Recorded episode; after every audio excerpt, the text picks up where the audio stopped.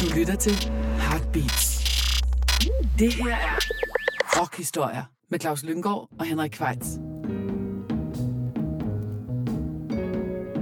Så er det sørme blevet tid til endnu en gang rockhistorier. Nummer 180 af slagsen, intet mindre, Claus. Det er alligevel imponerende, Henrik. Ja, og det har vi øh, videt til en øh, herre, som har fyldt ret meget i det musikalske landskab de seneste årtier. Det må man sige ja til. Det er Jack White, og undskyldningen for at gøre det, det er, at han netop har udsendt sit fjerde album i eget navn. Ja, som... efter en pause på fire år, for, ja. eller han har så lavet en, alt muligt andet, fordi han er jo nærmest arbejdsnarkoman. Men, ja, Fear of the Dawn. Ja. Øh, en glimrende plade, som vi vender tilbage til, når vi engang kommer så langt, for vi starter som altid med begyndelsen. Og Jack White er jo sådan en sjov blanding af traditionalist og modernist ja. i en person. Ja. Og, og meget konceptorienteret. Og meget entreprenant. Ja. Altså virkelig sådan en, der er god til at, at sætte ting i sving og få det til at fungere osv. Og, og, øh, og så, er han, meget... så er han vinylfreak, det kan vi også godt lide. Og han er manisk samler af alle mulige øh, ting og sager fra rockhistorie, men han er også vild med udstoppet dyr, har jeg læst mig frem ja, til. Ja, det har jeg også. det, det er, dem har jeg aldrig været særlig vild med selv. Øh, vi, dengang vi blev gift, fik vi en udstoppet ravn.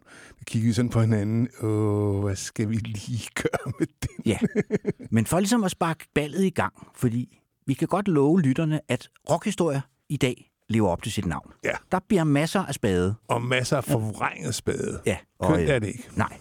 Og vi øh, lægger simpelthen ud med at spille White Stripes debutsingle, øh, som kom i marts 1998 på det lille selskab Italy Records. Og det er faktisk også deres aller, aller første indspilning. Ja. Så man må sige, de havde ligesom øh, konceptet klar fra start. Jeg tror kun, de havde eksisteret et år på det her tidspunkt. Ja. Så ja, det var virkelig, ja, det ligger, og, altså man kan sige, konceptet, som Henrik siger, hvis dem, der ikke ved det, det er, at det er en duo, og der består af, udover Jack White, som spiller guitar og klaver og synger, så hans daværende kone, Meg White. Ja, som, selvom de så, når de øh, hvad hedder det, blev interviewet og sådan noget, så påstod de jo, at de var søskende. Han elsker myto, myto, han er ja, mytoman. og selv da det blev afsløret, så blev han ved med at præsentere ja, Meg White som sin store søster. Det synes ja, jeg er super ja. fedt. Det er cool. Hun er altså også ældre end ham. Ja. Men uh, lad os høre uh, debutsinglen. Let's Shake Hands.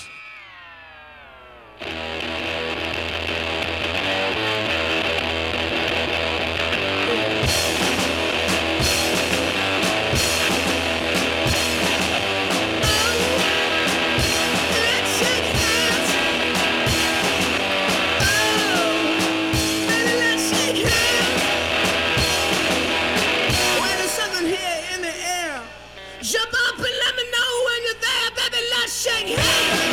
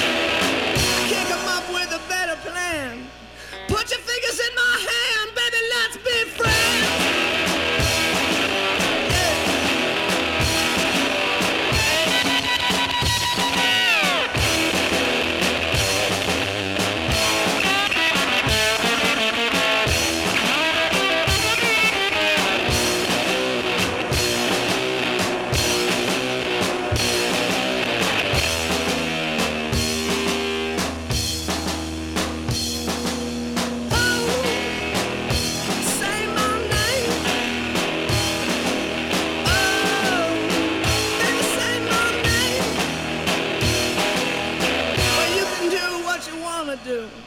Throw it in the garbage can, but just say my name.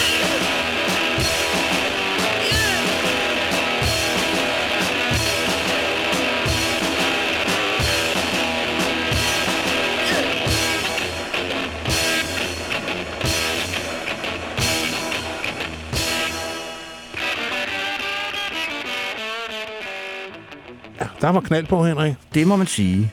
Og det er der jo på rigtig meget, selvom, som vi forhåbentlig også kommer til at afsløre programmet, han er selvfølgelig meget mere nuanceret end som så, så er det det der, han på en eller anden mærkelig måde har bidraget med, øh, at simpelthen give musikken et godt gammeldags los i røven. For ja, og selvom vi var inde på før, at traditionalist og tager, tager udgangspunkt i i hvert fald starten af karrieren i gamle blues, Sunhouse og Blind Willie McTell er de helt store forbilleder. Ja. Og jeg har også hørt en helt lidt klassisk rock. Der har nok været en Led Zeppelin-plade eller to på. Det tror jeg. kunne man godt forestille Ja, sig. ja, det er- Der er så bare den forskel, at hvad hedder det, Jack White, han er både Jimmy Page og Robert Plant. Ja, det er det er meget godt rigtigt. gået. Men for at starte med begyndelsen, så bliver han jo født som en efternøler i en familie, hvor der i forvejen er ni børn. Han er det tiende barn og den syvende søn. Ja, Og det er jo en rigtig blues-mytologi, The Seventh Son of the Seventh Son. Ja. Det har han sikkert. Han, han har noget med tal i det hele taget. Han bliver født i 1975, og han bliver født i byen Detroit, som ligger i delstaten Michigan. Og Detroit på det her tidspunkt er jo en udbrændt by. Der er det der store optøjer i 67. Og altså, ja, byen kommer så stort set aldrig over det. Nej. Øh, der er 10.000 bo- bygninger, der bliver raseret, og da, i 75, da han voksede op, der står der 60.000 byggetomter i Detroit, og jeg har været der. Og det Jeg er, har også været der. Øh, der. Der er mange tomme huse, og det har også noget at gøre med, at byen i høj grad øh, har ligesom profiteret på bilindustrien, og den er allerede for nedadgående her midt Ja. i 70'erne. Der er man ved at outsource, da japanerne kommer ind på markedet, og kon- amerikanerne kan simpelthen ikke prismæssigt konkurrere med Suzuki og Toyota og hvad de nu hedder alle sammen. Så de store amerikanske biler begynder at blive en saga blot, og det var ligesom det, Detroit stod for, og det betyder også en kæmpe arbejdsløshed. Ja. Og det betyder også, at de mid- middelklasse flytter ud til forstederne og overlader bydelene til latinoerne og til de sorte. Og Jack vokser jo op i en øh, i det, der senere kommer til at hedde Mexican Town, altså i latinobydelen. Så han kommer til at udgøre en hvid minoritet. Ja. Øh, Og han er jo et meget, meget øh, troende katolsk familie. Han, og han er selv meget troende Ja, og han er, han er alderdreng. ja, i mange år. i mange år, og, og tror faktisk på et tidspunkt, han skal være præst. Men han finder sig ud af den der boarding school, han skal gå på. Der kan han ikke have sin forstærker med. så, så vælger han at gå på public school ja. i stedet for. Men han, på, han udtaler, han har jo noget med tallet 3. Og han udtaler på et tidspunkt, at han har tre fædre. Og det ene det er hans biologiske far, og det andet det er Bob Dylan, og det sidste er Gud. Så har man ligesom det Så er på man, plads. så er man dækket ind, ja. Ja. Ja. Og han starter jo egentlig med at spille trommer, Ja, Claus. som han er ganske lille dreng. Altså, han har jo syv eller seks storebrødre, og øh, der er faktisk tror, syv år til den yngste af dem, så han er virkelig en efternøller.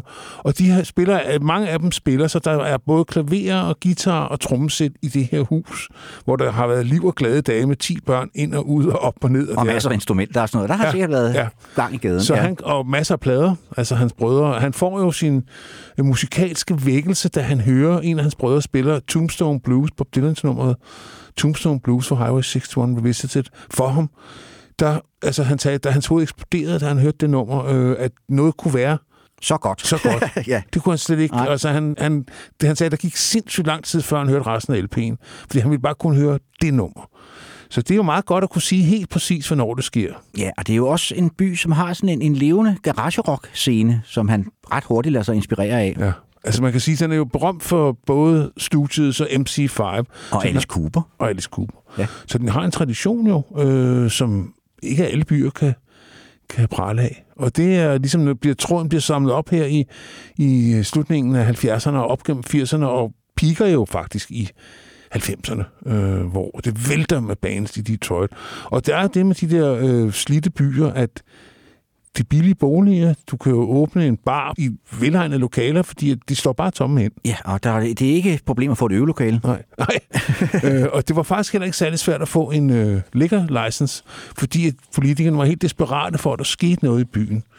Øh, og det gør der faktisk først i 2013, hvor den bliver erklæret øh, bankrot. Hedder det ikke det, hvordan så hedder det? Bankrot. Ja, bankerot. Ja. Ja, øh, og så er det ligesom begyndt at løfte sig en lille smule.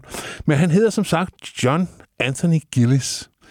Øh, og øh, Ja, han, da han så finder ud af, at han ikke skal være præst, så øh, går han i lære som møbelpolster. Jamen, de, familien har jo en, øh, en nabo, der hedder Brian Muldoon, som er 16 år ældre end ham, som er møbelpolstrer.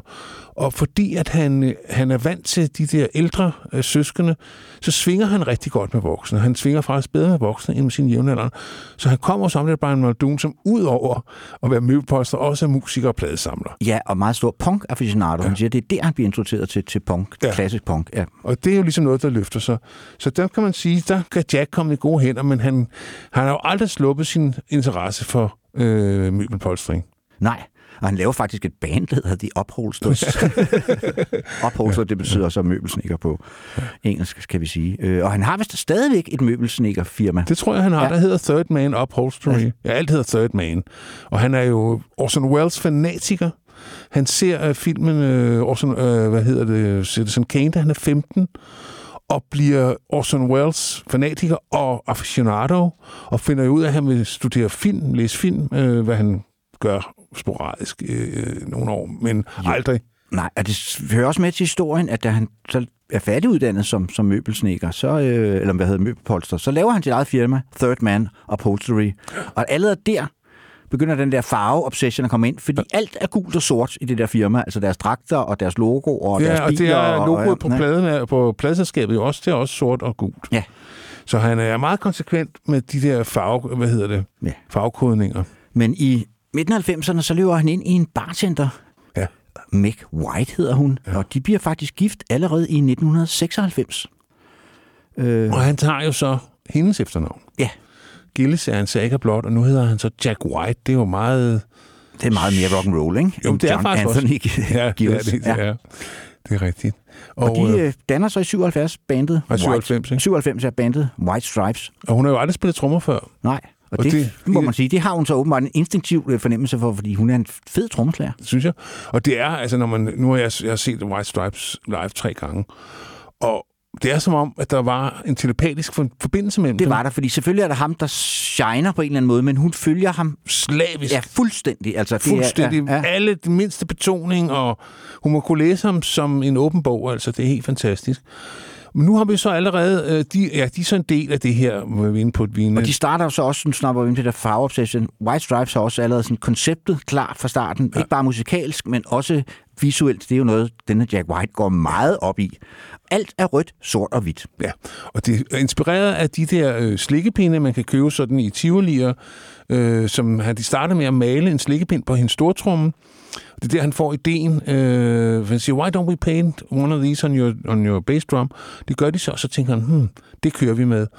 Men altså, de står jo på skuldrene, at det, den der form er ret populær i Detroit på det tidspunkt. Han har selv nævnt bandet Flat Duo Jet, som også er en guitar øh, trommes øh, duo. Der er andre, The Gorillaz, som vi snakkede om tidligere, og Bantam Rooster, som alle sammen øh, er, øh, er tromme guitar duoer. Så det er ligesom en tradition, og det giver også en vis surhed hos dem, der bliver tilbage i Detroit, at det ligesom er White Stripes, der løber med den, men det er måske, fordi han er den bedste til Ja, det.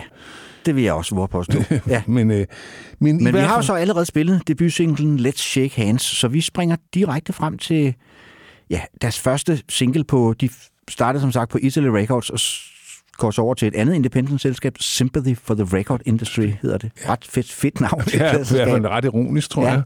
Og øh, hvad hedder det?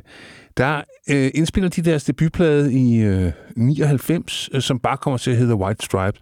Og det første, en af de første singler derfra, det er den, der hedder... Øh, det, jeg tror det faktisk, det er den første single derfra. Ja, det er det. Øh, The Big Three Killed My Baby. Og de Big Three, det er jo altså så Ford Chrysler og General Motors. fordi at... Øh, som, hvis man er født i Detroit, så føler man sig forrådt af de der store øh, bilindustrifirmaer, fordi de forlod byen. Ja. Og Og det er også et, der peger han jo også tilbage i traditionen øh, på, nummer, eller på albumet White Stripes for ud, og hans, de sange, han selv har komponeret, så er der coverversioner af både Bob Dylan, Robert Johnson og Son House på. Øh, og, Og også, der er en producer indover, Jim Diamond, for første og sidste gang i karrieren. er der nogen, der får lov til at fortælle Ja. ja. Jack, hvordan det skal, skabet skal stå? Og der er faktisk også, ud over Mick og øh, på trommer, og så Jack White på alt andet på pladen, så er der faktisk en gæstemusiker med, Johnny Walker, som spiller slide-guitar på to numre. Ja. Så han har alligevel givet sig. Og det er selvfølgelig, og det hører også med til historien, indspillet på analogt udstyr, fire spor, øh, ikke nogen digitar, ikke, altså man kan sige meget om det her program, vi kommer til at høre, men vi kommer ikke til at høre mange digitale optagelser, og vi kommer ikke til at høre mange synthesizer. Nej, i hvert fald ikke før man frem sidst i programmet, ja. Fordi på den nye plade, der er han jo gået, altså der er, er æder med med digitalt smæk på skilling. Ja. Der er i hvert fald computer ind over det, det er jeg helt sikker på. Ja, det kan sagtens være. Ja. Ja. Selv Jack White øh, kan, kan måske rokke sig. Øh, Men hele det her White Stripes trip, det er i hvert fald analogt. Det kan jeg forsikre jer om. Fuldstændig. Så lad os høre... Øh, The Big Tree, Tree. Kill My Baby fra albumet White Stripes, og den kom også som single i marts 1999.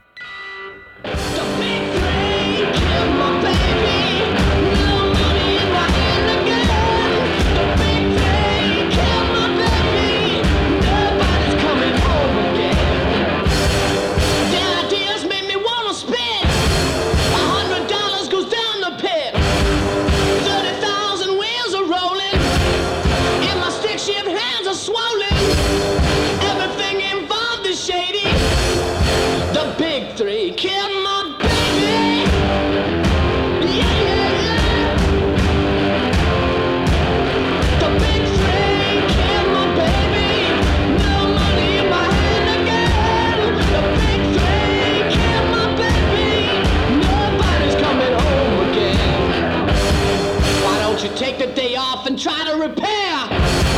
A billion others don't seem to care. Better ideas are stuck in the mud. The motor's running on truckers' blood. Don't let them tell you the future's electric. Cause gasoline's not measured in metric. 30,000 wheels are spinning. And oil company faces are grinning. And now my hands are turning red. And I found out my baby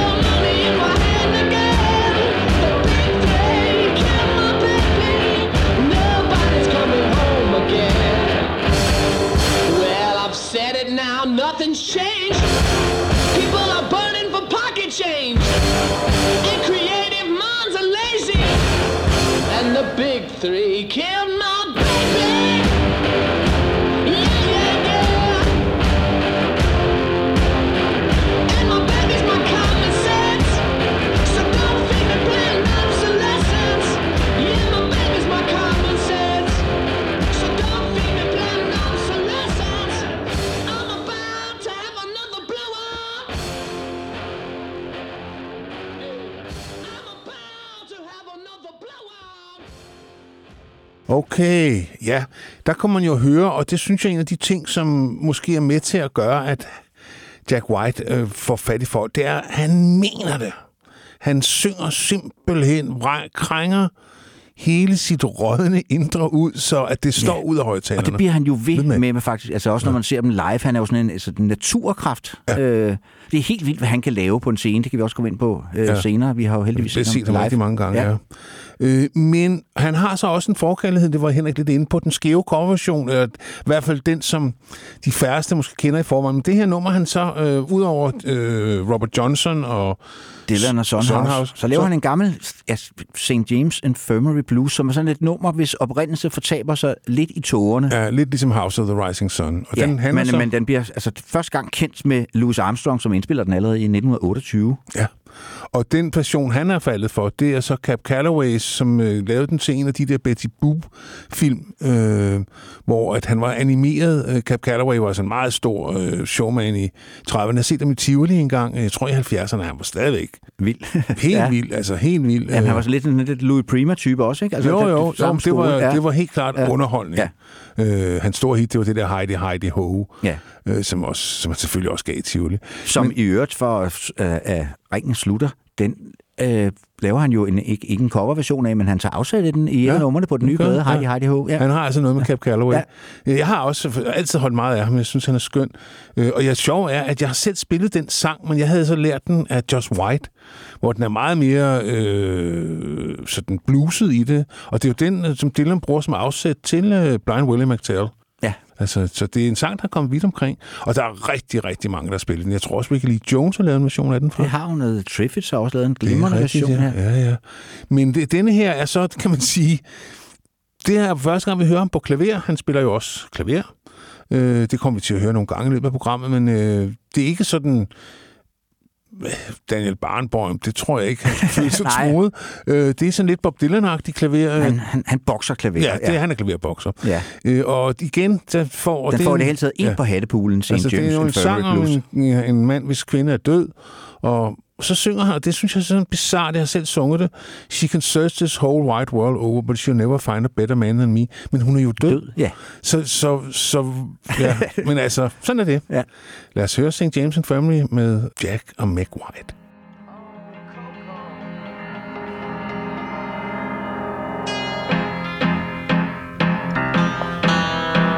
Well, folks, I'm going down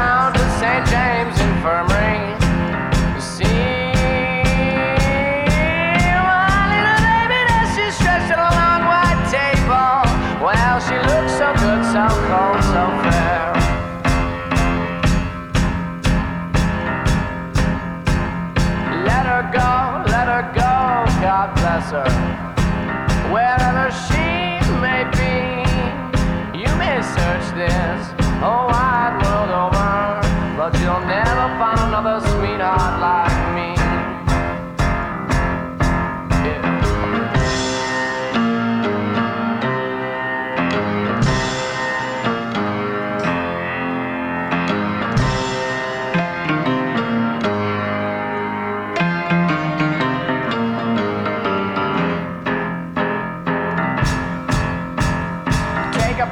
bones and put them back together.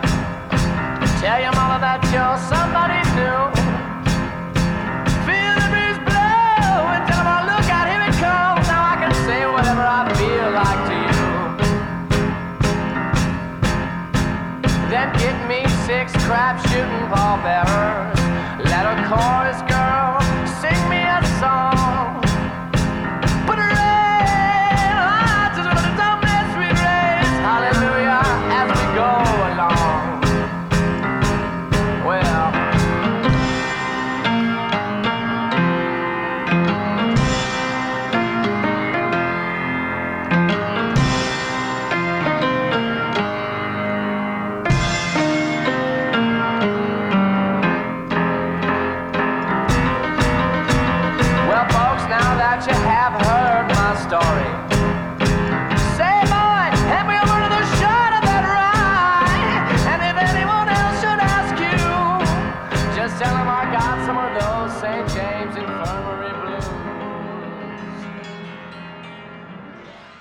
James Infirmary Blues fra albummet The White Stripes, der udkom i juni 1999. Og 99 er faktisk også året, hvor Jack, Jack og Meg White bliver skilt. Ja, ja de bliver, de, de, der de indleder det, og de bliver så finaliseret året efter. Men i 2000, og så tror han, at bandet er slut. Øh, men hun overtaler ham, siger, prøv at høre, jamen altså, vi er jo ikke skiltes som fjender, øh, vi er skiltes i fuld forståelse, og jeg vil gerne blive med at spille sammen med dig. For han er allerede begyndt at spille, i, han spiller på det her tidspunkt faktisk i flere bands end White Stripe. Men hun siger, lad os da bare fortsætte, det går meget godt. Og Og det, og det, Det det gør de jo så, ret i, ja. og det gør de så, og det kan vi vist kun være glade for, fordi at så kommer der en, øh, så laver de en ny plade igen, indspillet i, i 2000, de stille opkaldt efter en hollandsk øh, kunstnergruppe. Øh, Mondrian er nok det mest kendte navn derfra. Ja. Øh, og den er også tilegnet, øh, den er tilegnet en af dem, jeg kan lige finde ud af det, mens Pladen. musikken spiller. Jared Riedwald hedder han, Ja, det øh, rigtigt, som, er, ja. som er en møbelsnikker. Det giver jo meget god mening, ja. når man er gammel møbelpolster. Ikke? Ja, jo. Men, øh, Og den er i øvrigt også, øh, hvad hedder det, tilegnet Blind Willie McTell-pladen. Den, de, de to, den er dedikeret det til. er rigtigt, ja. Blind Willie McTell. Ja. ja. Og den er så indspillet, nu har han så gået all out, nu har han indspillet op på otte spor. Det er stadigvæk analog, men nu går han otte spor. Og øh, udsender en single derfra, som jeg må indrømme, jeg altid har haft en svaghed for, Hello Operator. Ja, også fordi der var en ret, nu snakkede vi om spøjs coverversion, men hvis man vender den single om, så er der en ret vild version ja. af Dolly Partons Jolene. Jamen, det var min første White Stripes single. Ja. Ja, ja det var der, og den giver, giver han altså også en på desperationshatten. Øh, men han er jo sådan sjov, når man læser interviews med ham. Han er sådan sjov, introvert, ekstrovert. Altså, han fortæller gerne om, hvor introvert han er, hvis du forstår, hvad jeg mener. Ja. Og når man ser ham på en scene, så tror så man, man, tror man det ikke, eller Nej. heller ikke ser billeder af ham. Han ligner ikke nogen men, introvert og, jeg kan huske, da jeg så den der film uh, Under the Great Northern Lights, tror jeg, den hedder. Der kom i, er det ikke det, den hedder? Jo, 2010, ja. Ja, det synes jeg, altså, han virkede utrolig lidt introvert. Altså meget pågående og udadvendt, og altså, hun er introvert. Ja. Altså, hun- er tekstet i den. Ja. Så lavt Så taler hun. ja. Så, Men lad os at springe ud i, hvad hedder det, Ja. ja. Hello Operator, der, hvor, vi, hvor vi også hører en vis John Symanski på harmonika. Ja, det er jo helt vildt, her, som, det, som det... Og det er også sådan et, altså det, det andet album her kommer, de stille, de har allerede fået lidt opmærksomhed på det første. Der begynder pressen for alvor virkelig at, at, at tage noter her. Der Især, noget- englænder, altså, især englænderne, Ja. de har jo altid været ret gode til at spotte. Ja, men de er, altså de, de bliver et stort navn i de der navn, øh, blade, vi har været inde på mange gange før. Ja. New Musical Express og Melody Maker, hvad de hed, alt sammen. Og Ja. det var altså blade, der havde magt dengang. Stadigvæk, ja. Ja. Og, øh, og hvad hedder det? De helt klart, øh, de, altså det, den opmærksomhed, de fik i England, blev sendt tilbage over Atlanten til Amerika. Ja. Det hjalp rigtig meget. Og det er også omkring øh, den her plade, at han så tager skridtet fuldt ud og faktisk dropper sin møbelvirksomhed. Og alle de andre bands, han spiller Ja. ja. i. Ja. Nu, nu er det White Stripes, der gælder. Yes, og heldigvis for det, Hello Operator.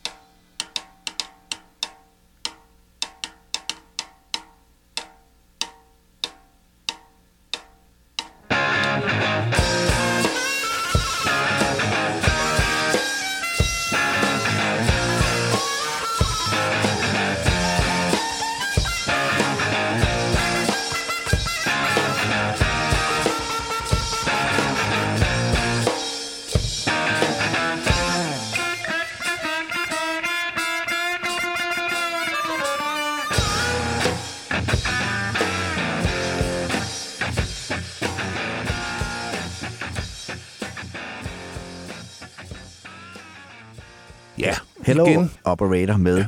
White Stripe for anspillerne, de stille, som var det var der, jeg opdagede dem, fordi den anmeldte jeg for Ekstrabladet i sin tid, den plade. Ja. Øh, og kunne godt høre, at der var noget helt øh, særligt på færre her. Men nu har vi jo sådan hørt den, lidt, sådan, sådan den meget larmende side af Jack White og White Stripes. Skal vi høre noget lidt andet, Claus? Ja, altså han har jo ud over bluesen og, øh, hvad skal man sige, øh, Detroit-rocken, garage-rocken og alt det der, så har han jo også en country-side, øh, som han jo også øh, indimellem udfolder. Og det er ligesom alt andet Jack White, øh, det er sådan lidt på hans egen præmisser.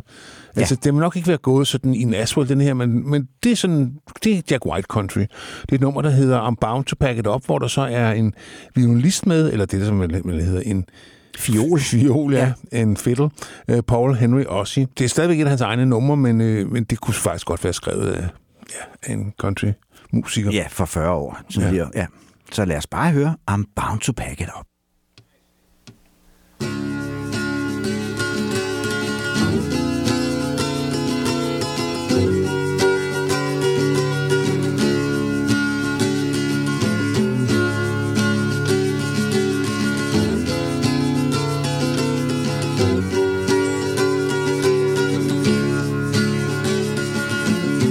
I've thought about it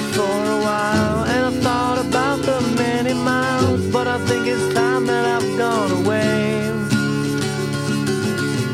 The feelings that you have for me have gone away, it's plain to see, and it looks to me that you're pulling away.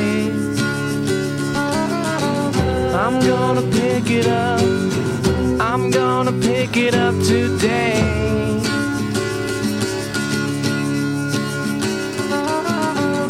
I'm bound to pack it up. I'm bound to pack it up and go away.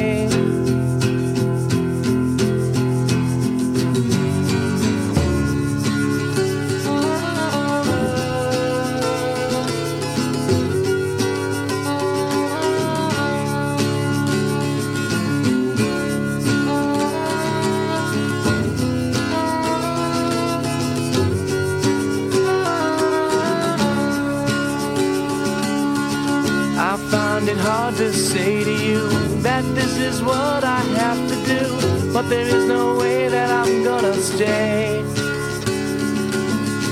There are so many things you need to know, and I wanna tell you before I go, but it's hard to think of just what to say. I'm gonna pick it up, I'm gonna pick it up today.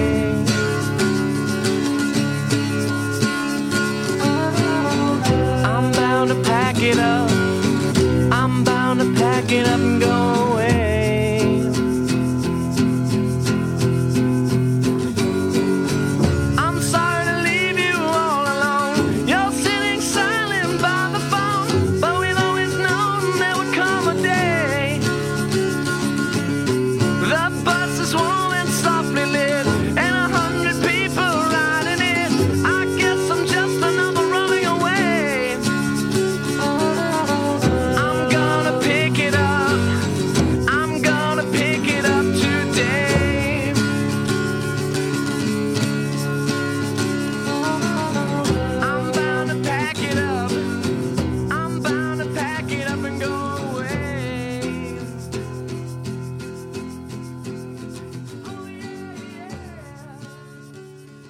I'm Bound to Pack It Up. Jeg kan faktisk også meget godt lide den her lidt mere sådan... Det er forkert at sige følsom, for han er også følsom på de andre måder. Der er det bare sådan en, en mere, øh, Altså mere anden udkrængende ja, måde at være ja. det på, ja. Men nu kommer vi derind, hvor han ligesom også begyndte at komme ind i mit liv. Altså det her, jeg må sige, de to første plader hørte jeg baglæns, så at sige, øh, selvom du var hurtigt ude med det stil. Øh, Jeg havde hørt om, jeg købte den der single, men det var så på grund af Af Jolene, ja. Øh, men den første plade, jeg anmeldte med dem, det var så øh, den næste, der kom, som blev optaget i Memphis på fire dage, og Meg White var meget usikker på den, fordi at de havde ikke rigtig lært numrene endnu. Men det mente han ville give den noget nerve, og det synes jeg faktisk, han har ret i. Det er en utrolig vellykket øh, White Stripes øh, LP. Ja. Øh, White Blood Cells, og det var også den, der blev deres endelige gennembrud, Ja. kan man sige. Den er faktisk indspillet øh, meget mod hans vilje på 24 spor, for det, der, det var det, der var i det studie. Han sagde til teknikeren, du skal ikke bruge dem alle sammen. Men hvad skal man også med 24 spor til en due? Ja. Altså, det, det vil jo næsten være vanvittigt, ikke? Og det er jo en plade, som faktisk er, fordi faktisk er en ren due på. Ja. Der er ikke nogen bas på pladen overhovedet. Nej. Øh, det er der generelt meget, meget, meget, meget sjældent på, øh, på deres... Øh, Ja, og der bør også komme en meget, meget øh, bemærkelsesvis video til det første nummer, vi spiller ja. fra, Fell in Love with a Girl, som, som blev deres gennembrudshit. På trods af, at det kun var 1 minut og 50 sekunder. Ja. Mere behøvede han Men altså det var. Michael Gundry, det er, det den Ja, der med Lego, ja. ja, ja, jeg, jeg tror, han fik øh, flere priser for den, altså Ja. Gundry. Øh, Og en, og en anden øh, grund til, at White Blood Cells, udover det var en skide god plade, øh, også kom bredere ud, det var, at det var den sidste plade, de indspiller på Sympathy for the Record Industry, og så tegner de en distributionsaftale med V2, ja, så har nogle og- lidt flere muskler. som havde lidt flere muskler at spille med, som ja. sørgede for, at pladen kom, altså rent faktisk blev tilgængelig i ja. pladebutikkerne. Ja. øh, og i Europa var det XL Records, der stod for den side Ja. af sagen. Ja, og øh, det var også deres første øh, single-hit, øh, I Fell in Love with a Girl. Det, I hvert fald i England, hvor det nåede en 21. plads på de engelske hitlister. Så nu begyndte der ligesom at ske noget. Øh, de begyndte også at sælge plader hjemme i USA. Øh, ikke så overvældende, men den endte med at sælge en halv million. Ja. Sådan hen ad vejen. Det er der også noget Det er noget, ja. Øh. Også fordi rigtig mange af pladerne, det var jo det var stadig fysiske eksemplarer den her gang, Ja. ikke? Så, Jo, så jo, det det var- betyder noget andet end... end det gør i dag. Ja, så Hvor øh, ja, Hvem som helst kan, kan få en milliard. ja. det kender vi jo godt, Claus. Ikke? Ja, og det blev jo i- faktisk et hit igen med Josh Stone, en af de første øh, kunstnere, der, cover, øh, der lavede en coverversion af White Stripes øh, året efter. Og jeg så hende på Roskilde. Øh, hun havde sådan været sådan lovende. Øh, og der spillede hun øh, det nummer der, så det var meget sjovt. Men jeg så den jo også der i 2002, det ved jeg ikke, om du gjorde. Jo. Øh, første koncert, og der var jeg altså fuldkommen blown away. Øh, Selvom jeg så det med min lidt kyniske nevø. Jeg sagde, hvorfor står han ikke stille? Det gjorde han ikke. Nej. Men sådan er det. Lad os høre I Fell in Love with a Girl.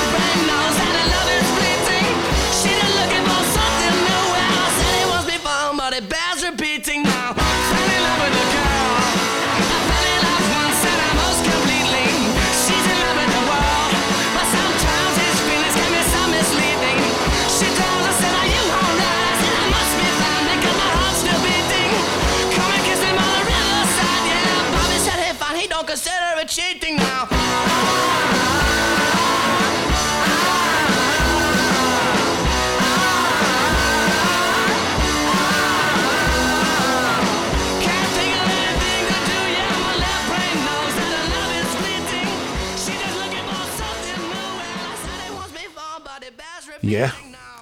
Der var jo smæk for skillingen så til en afveksling her. Øh, og så er der så en, en, en tredje side til ham, eller en øh, sådan... Øh, hvor han sådan godt kan være sådan lidt pseudo-latinsk, pseudo-spansk øh, i nogle af sine akkordgange. Ja, og, men det er jo ikke så mærkeligt, fordi han er jo opvokset i det der ja. latinerkvarter, Ja, ikke? Så han har ja. sikkert hørt rigtig meget spansk Det har musik han ud gennem øh, vinduerne, ja. ud gennem vinduerne her. Ja, selvom han, øh, han, som han sagde, jeg var jo en minoritet i, jeg var jo en hvid minoritet, og det har han sikkert været haft ret i.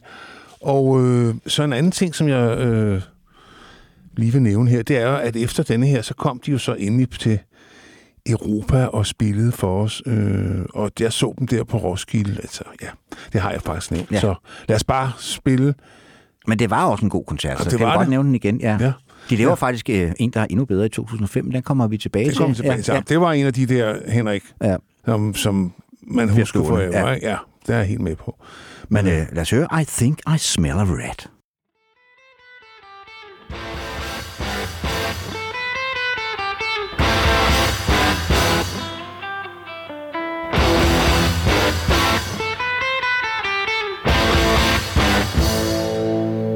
Oh, I smell a rat.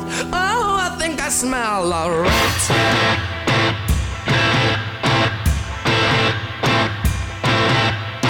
Oh, you little kids seem to think you know just where it's at. Oh, I think I smell a rat.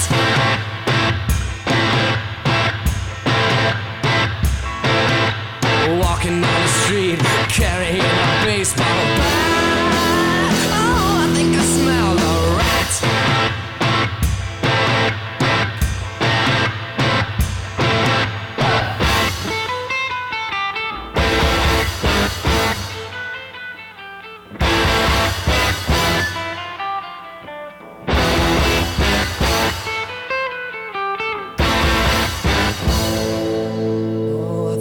smell a rat.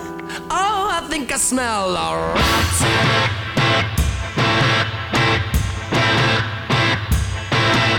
Oh, you little kids seem to think you know just where it's at. Oh, I think I smell a rat.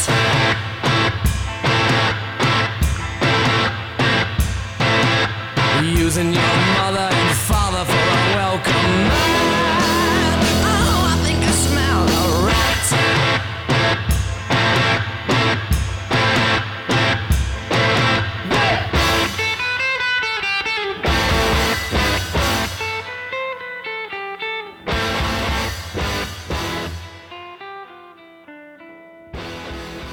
høre endnu et nummer fra White Blood Cells, og et nummer, som også blev udsendt som single, hvor det faktisk nåede 25 pladserne på hitlisterne i England. Hvad ja. hedder det? Et nummer, som ja, han har skrevet tilbage i 1999, altså nogle år forinden, men ikke rigtig havde kunne finde den rigtige form på, men Der er, det altså, lykkedes så. altså, hardcore-fansene fortolker det jo som en, øh, en kommentar til hans og Meks forhold, som, som, Ja, som sejlede på det her i tidspunkt. 1999. Det kan også være, at det er derfor, han ikke har ville, Ja. at han lige skulle have det lidt på afstand, Afstand, før han havde lyst til at... ja.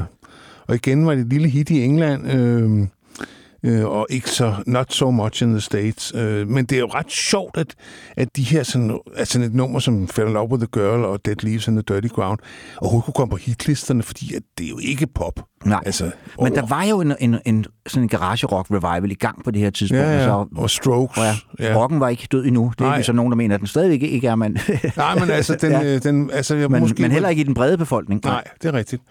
Den kunne stadig komme på hitlisterne, det er Ja. det, du mener. Det Ja, er det, jeg mener.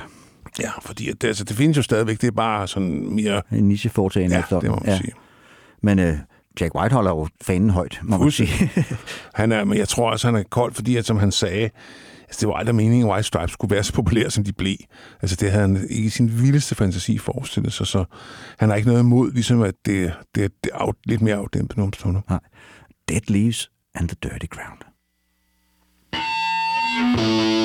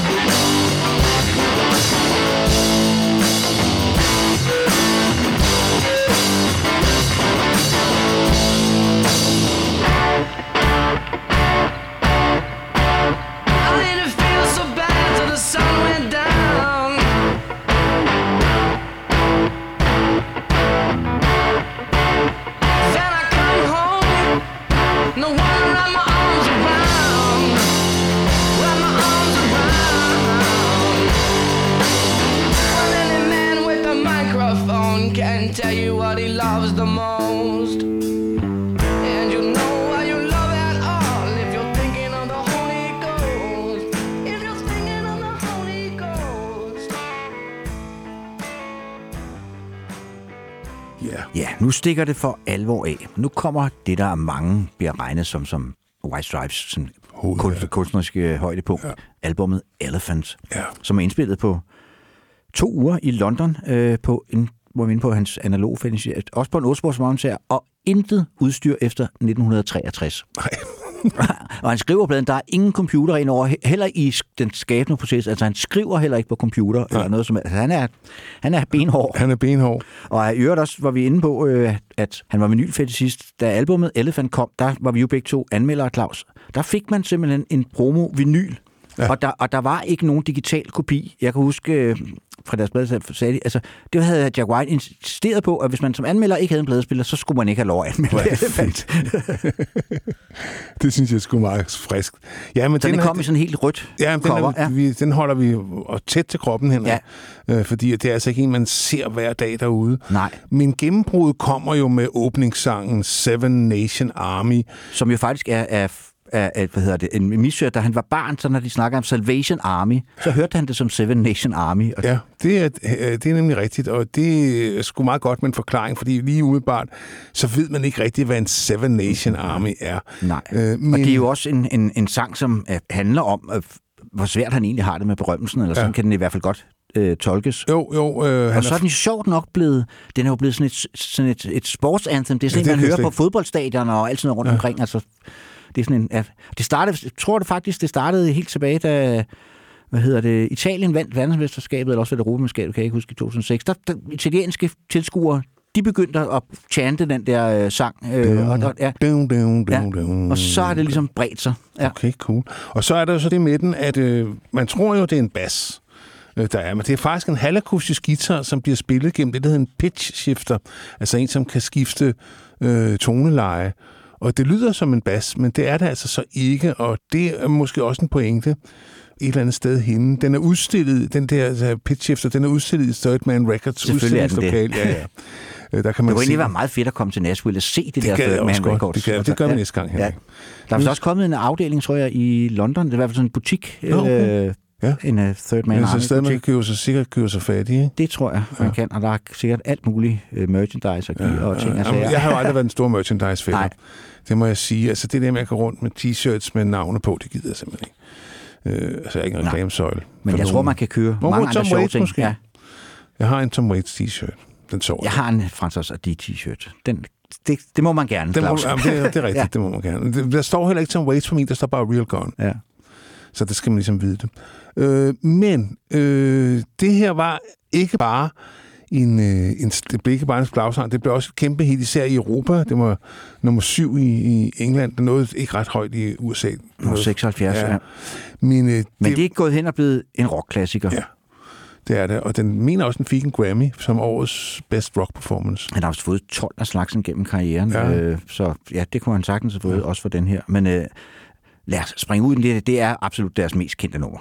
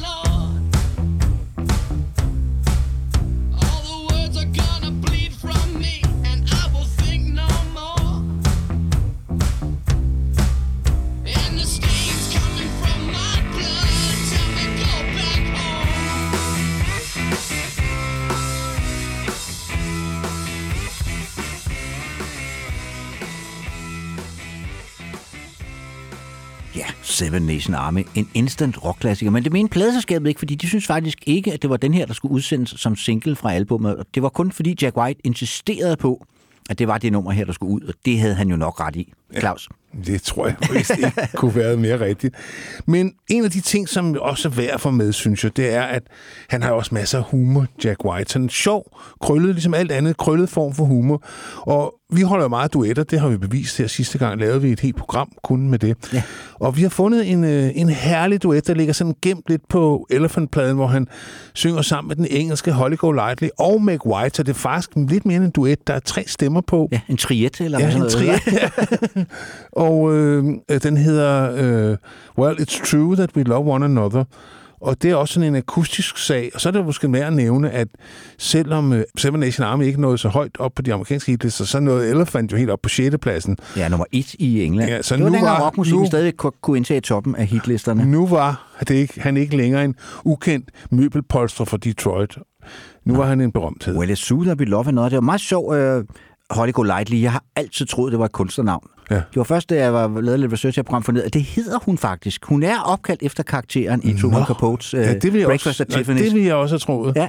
Så okay. det er simpelthen, hun hedder så Holly Golightly, og så Jones eller Smith, eller et Ja, eller andet ja, ja. efternavn, men hendes, hendes mor har simpelthen opkaldt hende efter den karakter, fordi Ej, hun var vild er med det sjovt. ja.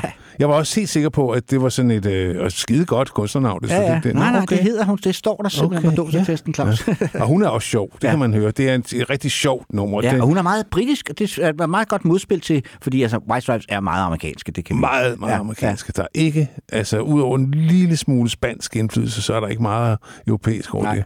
Så, well, it's true that we love one another. Well, it's true that we love one another. I love Jack White like a little brother. Well, Holly, I love you too. But there's just so much that I don't know about you.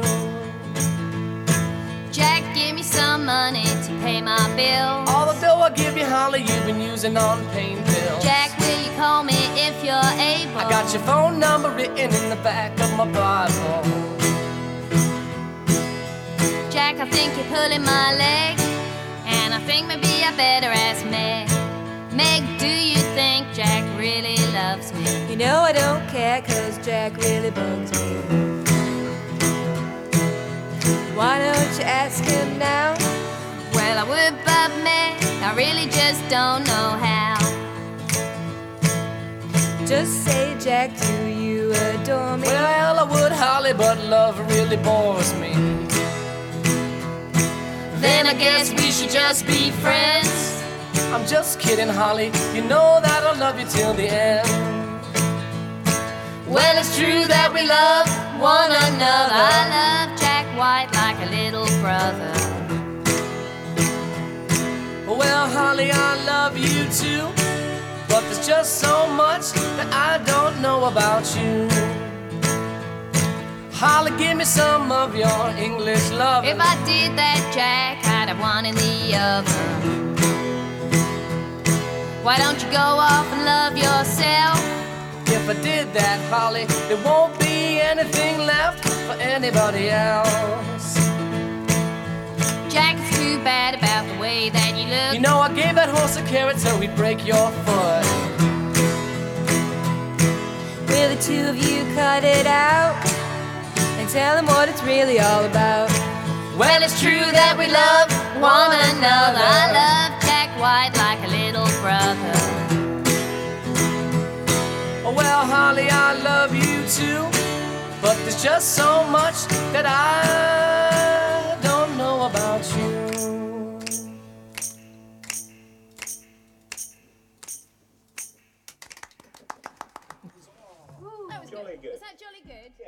Ja, og vi ja. var jo inde på før, at de har en forkærlighed for sådan lidt skæve øh, coverversioner, eller, eller sange, som man, man måske ikke lige havde set øh, Ja. lå til deres øh, højre ben. Og vi har rigtigt. fundet endnu en frem, øh, også fra Elephant. En klassiker, kan vi roligt sige, skrevet af øh, Burt Bacharach og Hal David, og nok mest kendt i, den har udspillet mange gange, men det er nok Dusty Springfields version, som ligesom er, er, den, er den store, ikke? Altså, det er den, vi kender her i Europa. Det var jo ikke en hit for hende i Amerika. Nej. Øh, der var det Diane Warwick, der løb med den. Men øh, øh, much as I love Diane Warwick, så synes jeg altså, at Dustys version er den definitive. Altså, måske med undtagelse af den, vi skal høre nu, fordi det er jo ikke en coverversion, det er jo en fortolkning, Henrik. Ja, det må man sige. Øh, og det var faktisk øh, Max idé, at de skulle spille det her nummer. Øh, Jack, han sagde, "Ah," sagde han, så lad os prøve det, sagde hun, og frisk som han var, kaster sig ud i den, og så tænkte han, hvis vi giver den nogen på bæret, så kan det nok være, at det løfter sig, og det gør han jo. Ja. Men øh, han, øh, han Men får- stadigvæk har jo stadig respekt for forlægget. 100 procent, ja. og, og, og, og, og de meget komplicerede akkorder, det er ikke sådan en sang, man lige river af sig. Der er ikke meget blues over det. Det er faktisk en ren popsang. Ja. Så lad os høre. Det kunne de også. Ja, øh, og det er også fra Elephant.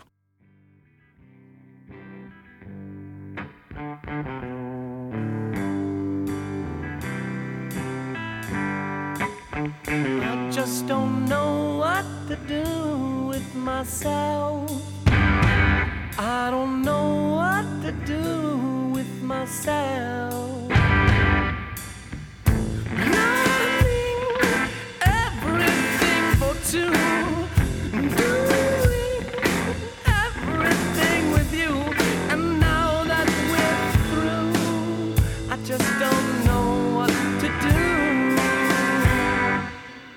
I just don't know what to do with myself.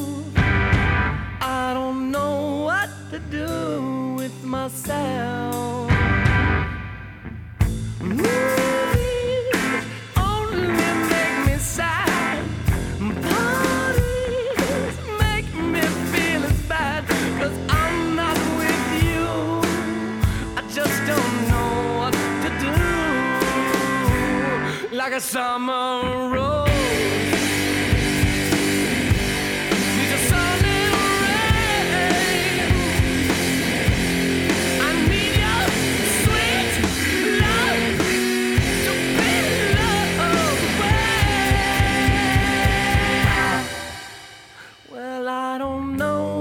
to do with myself. Just don't know what to do with myself.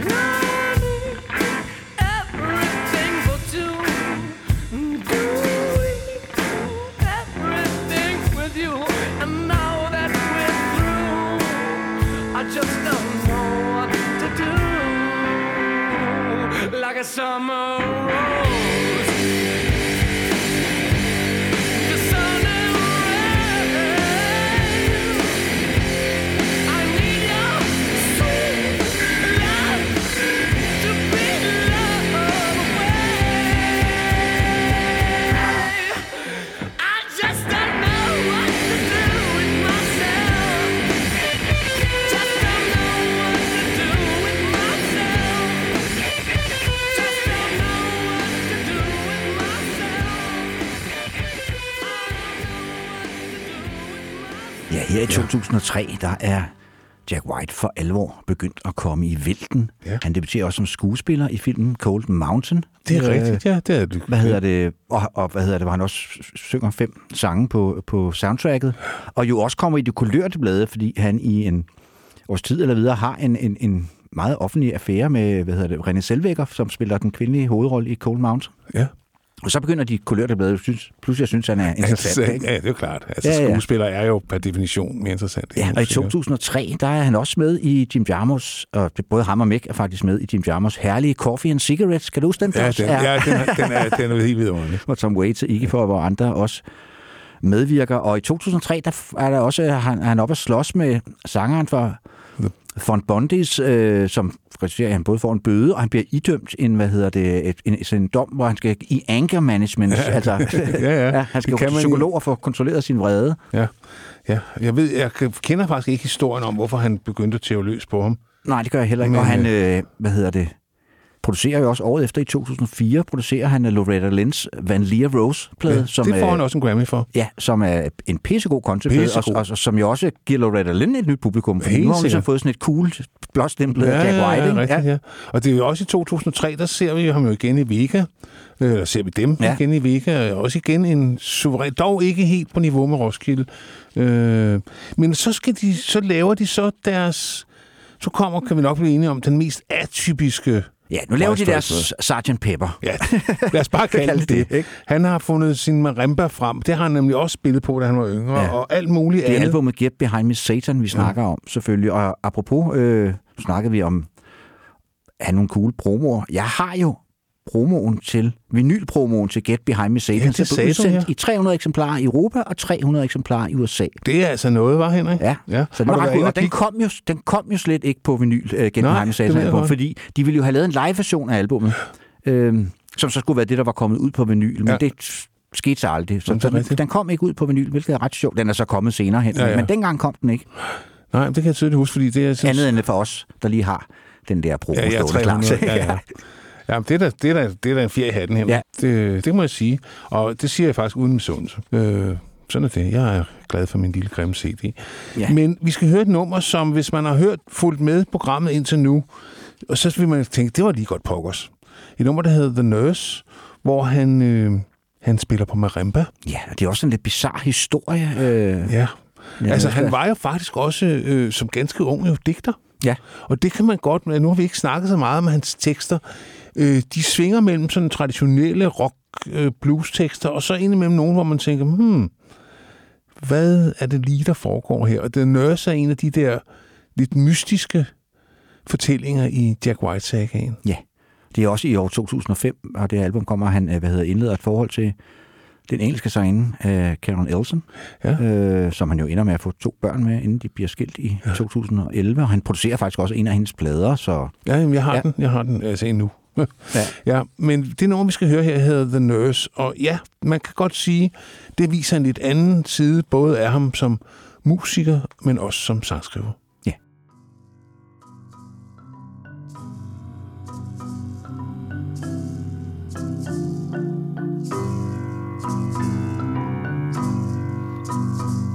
The nurse should not be the one who puts salt in your wounds. But it's always with trust that the poison is fed with a spoon. When you're helpless with no one to turn to alone in your room. You would swear that the one who would care for you never would leave. She promised and said you will always be safe here with me. But promises open a door to be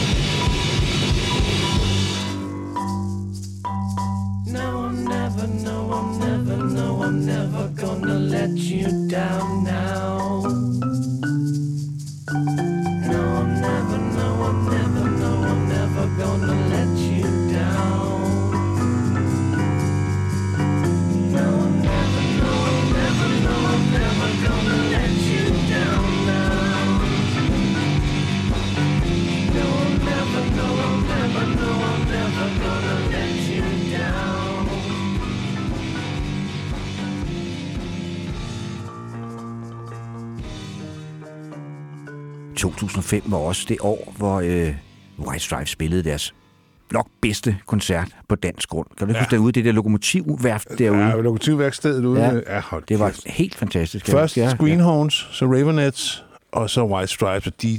Ja, som var hvidglødende den aften. Altså, jeg Altså- kan huske, at jeg gav den seks stjerner i ekstrabladet, og det var kun fordi, der ikke var syv give af. Ja, Altså, det var, jamen, jeg var også ja, helt oppe at støde. det var fantastisk. Fantastisk Ja, aften. Det Øh, var fantastisk sted. Det, jeg har aldrig været derude øh, ja, igen. det Jeg tror jeg, der har været en koncert Jeg ved ikke, hvorfor det ikke blev brugt, fordi det var til sådan en råt industrielt. øh, Faktisk øh, passede pisse godt til, til, til konceptet White Stripes. Ja. ja, til, rå, til rå og beskidt rockmusik. ja. Men der kom en øh, par singler fra øh, Get Behind Me Satan. En ja af dem var... og, og, nu snakker vi om, om, om at rockmusikken stadig ikke er død. Get Behind Me Satan-albummet, det nåede altså tredjepladsen både i England og USA. Ja, det det var er alligevel også Det noget. ret flot, ja. ja. Jamen, de her år, der, der, der gik det bare så godt for Jack. ja. Og han, øh, der kom en single mere igen, givet den kun i, USA, eller i, øh, i England, The Denial Twist, men et af de, synes jeg, skønneste numre på Get Behind Me Satan. Ja, det er vi fuldstændig enige om. Ja, så det er da vel bare at få det ud i æderen. Hvad siger du ikke det her? Yes, The Denial Twist. kisses on the lips, come on, you got it all wrong, man. And if you think that our dance was all in the hips, oh well, then do the twist. If you think holding hands is all in the fingers, grab hold of the soul where the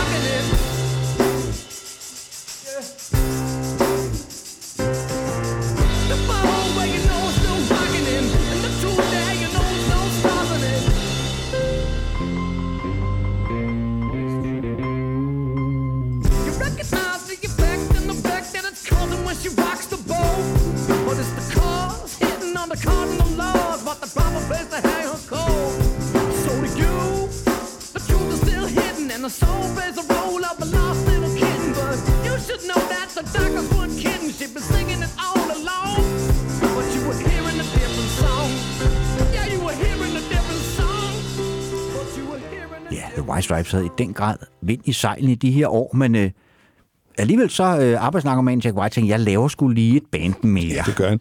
Han har en gammel ven fra Detroit, der hedder Brendan Benson, som han, øh, kom, de sidder og snakker og spiller guitar, og så kommer de til at skrive en sang, der hedder Steady As She Goes. Ja, det er faktisk den første sang, de skriver Ja. sammen. Det er en meget god begyndelse, fordi Det det, er jo nok, bortset fra Seven Nation Army, måske det mest kendte øh, Jack Ja. White-nummer. Det må man sige, ja. altså.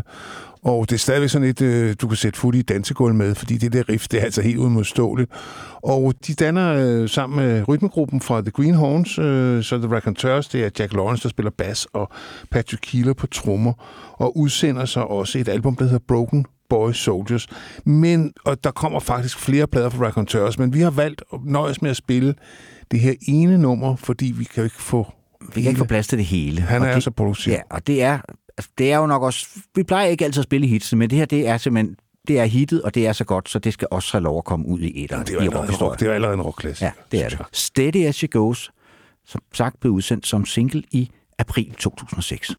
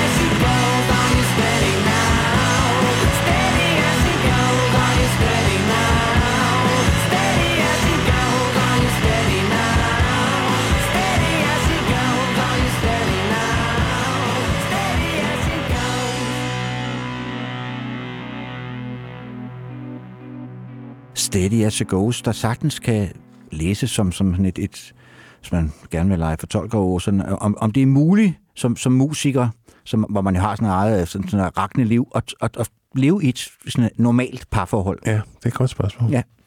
Nogen kan jo. Ja, hvad hedder det? Men efter de så havde lavet den der meget spraglede Get Behind Me Satan, så laver White Stripes så der, det, der skulle så vise sig at blive deres sidste album, som er sådan Back to Basics. Ja. Øh, Iggy Thump hedder det, som, som jo egentlig er, er en talemåde, engelsk talemåde, han har lært af sin, sin øh, kone, Karen Elson, øh, som er sådan et lokal dialekt der, hvor hun kommer fra, Iggy Thump, som er sådan noget, man, man siger, når man bliver meget overrasket over et eller andet. Okay, nå, det vidste jeg sgu ikke. Ja, så man så, han staver det selvfølgelig så på en lidt anden måde, men, men det er der, han har det fra. Okay. Så, og det bliver der nok ikke mange, der har gennemskuet, hvad det egentlig, den titel egentlig betød. Det er i hvert fald, nu er jeg kørt det for dem. Øh, øh, ikke som ryger på anden pladsen i USA, førstepladsen i UK. Jeg har så valgt et mine yndlingsnummer på pladen, hvor som igen viser, hvor sjov han også kan være. Hvor ham og Meg... De spiller to klunser. Ja. Øh, Rag and Bone Man, det er ja. på dansk er en klunser. Ja, de- lige præcis. Ja. Ja. Og øh, de har gjort en helt stor gevinst, eller fundet en helt stor øh, skat.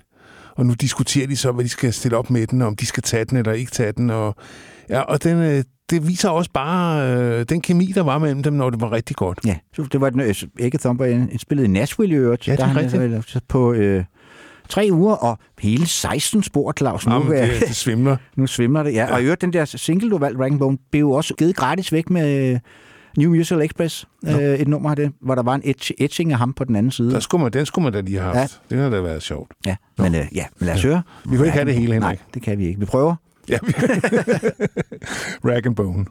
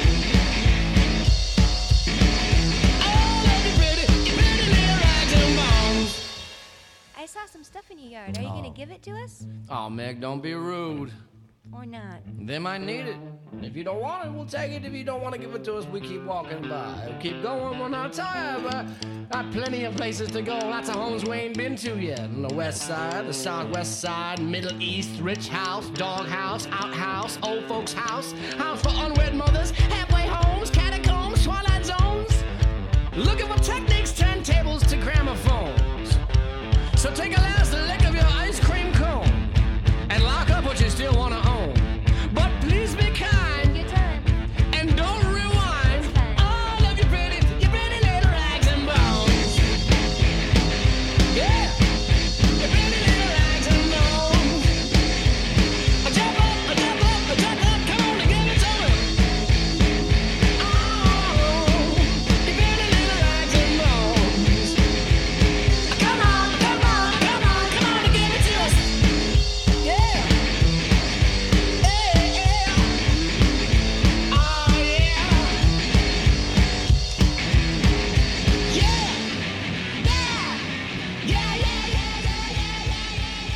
Det er et af mine yndlingsnumre, det her. Ja, Jeg Bone, det er også- så godt humør af det. Det er et dejligt, dejligt nummer. Og nu var du inde på den spanske in- inspiration før, den er altså meget tydelig på det øh, nummer, vi valgte, som ender vise sig at blive øh, den sidste single, der kommer med I hvert fald, mens de eksisterer, ja.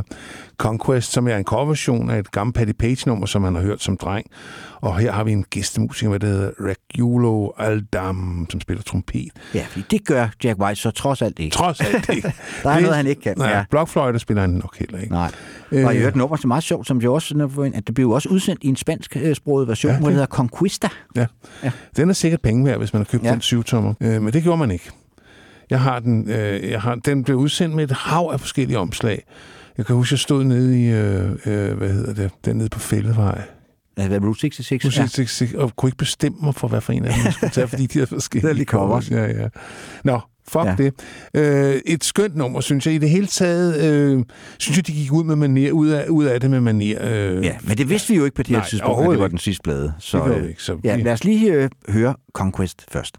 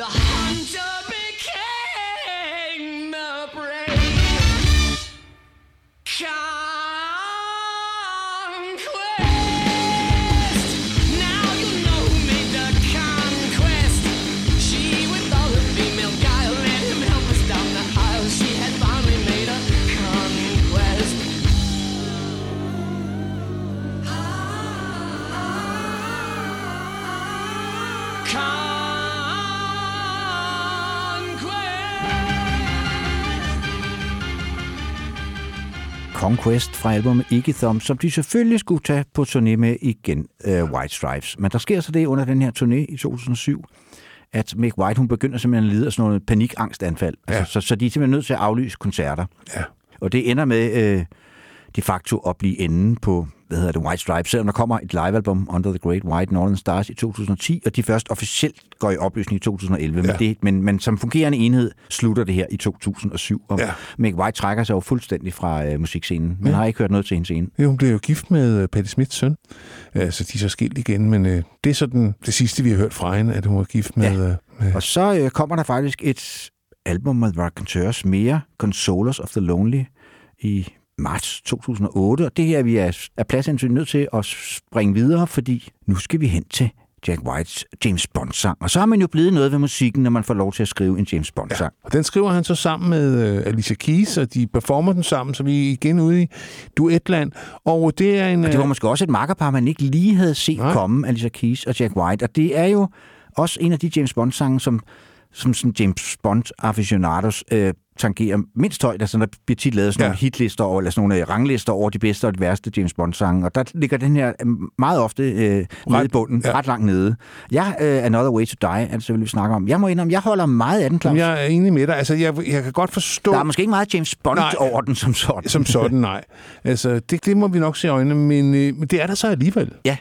Altså, det er Ja. bare Jack Whites take på det, ikke? Hvad ja. havde de regnet med, de ville få? Og jeg synes, det var ret frist af, af folkene bag øh, det der store maskineri, Ja. ja. at, at, at, bede ham om at skrive en... Er det ikke den, der hedder Quantum Solace? Jo, det hedder filmen, ja. ja. Øh, er det der, han bliver introduceret, Daniel øh, Craig, eller hvad? Nå, det kan jeg ikke. Det jeg, men Jeg er ikke den store Nej. James Bond. Jeg kan Ja. godt lide, jeg elsker, når titelsangene kommer. Dem er jeg altid meget ops på, men filmene, ah, not so much. Ja, altså, jeg kan meget godt lide James Bond, og jeg kunne faktisk meget godt lide Daniel Craig som Ja, du James holder Bond. også med Arsenal, ikke? Så Ja. ved, dig kan man jo ikke. Nej. Hvad hedder det? Men lad os høre Jack White og Alicia Keys i Another Way to Die.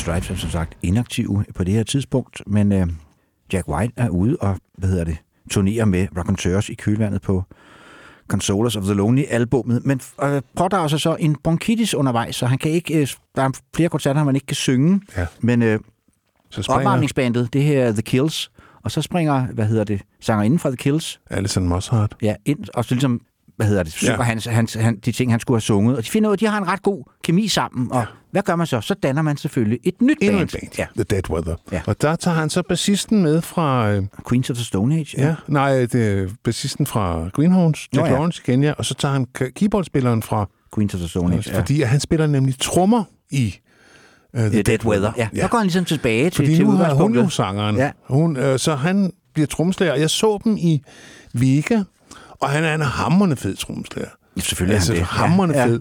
Og øh, han, havde også, han har også et par vokale, altså han går også frem en gang med at synge en sang eller to, men det er meget hendes show, og hun er altså virkelig vild. Ja, hun er Alison folkegod. Jeg har også set hende med The Killers. Det, Det er har jeg også. også ret fedt Som faktisk ret fedt lille band. Ja, ja. Øh, jeg har det på plader med dem. Jeg synes faktisk, øh, ja, de kan noget. Ja, men lad os høre uh, Dead Weather, og deres tredje single er det, I Cut Like a Buffalo, som er skrevet alene af Jack White. Ja, på albumet Whorehound. You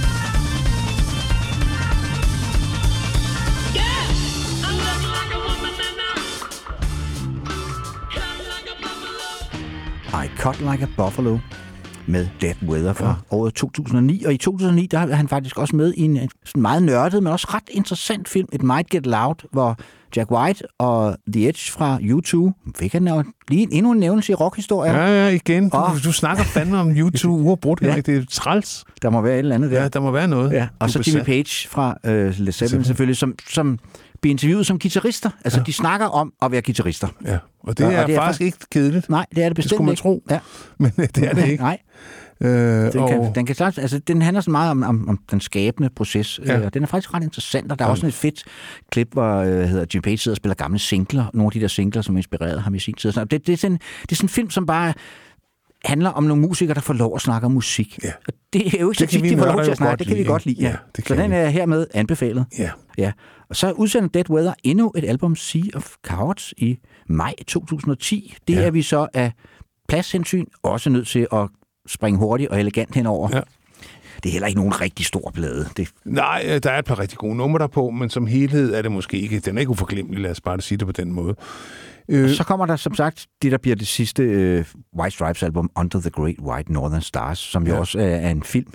Ja. Øh, en dokumentarfilm om en turné. Canada-turné, Ja, ja, ja. som er faktisk bestemt værd at se.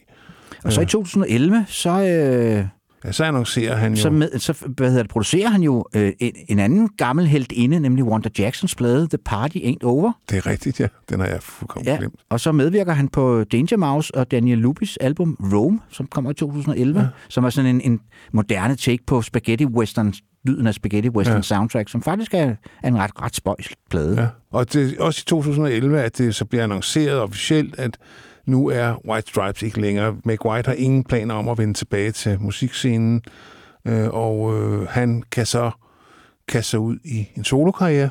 Ja, og den starter han i hvad hedder det, 2012 med albumet Blunderboss, opkaldt efter shotgunnens forgænger, sådan et- altså et våben. Ja, ja. ja. øhm, Det er det, vi det? kalder et forladergevær, tror jeg. Ikke? Jo. Og som også er indspillet på en 8-spors båndoptager. Det er ja. Langt de fleste af numrene. Øh, og er et album, hvor han ligesom udvider paletten i forhold til White Stripes. Og den ryger... Og mange af sangene er skrevet på øh, piano, Ja. øh, som også giver dem en anden lyd. Og så indspiller han, der, det er jo sådan at dengang der har han jo en masse studiemusikere i studiet. Ja. Og numrene er indspillet med en, enten et pigeband eller et drengeband. Ja. Ja. Og når han turnerer efterfølgende, hvor vi ser ham på Roskilde Festival, også en fed koncert, må ja. Ja. vi helt at sige, der har han jo også to backing bands, og de får først om morgenen at vide, om det er pigeversionen eller det er drengeversionen, ja. der skal backe ham op i aften. Og vi var meget spændte på det på Roskilde, fordi at han havde en gammel ven af huset, Margrethe Bjørklund, som jo spillede i Darlene tilbage i...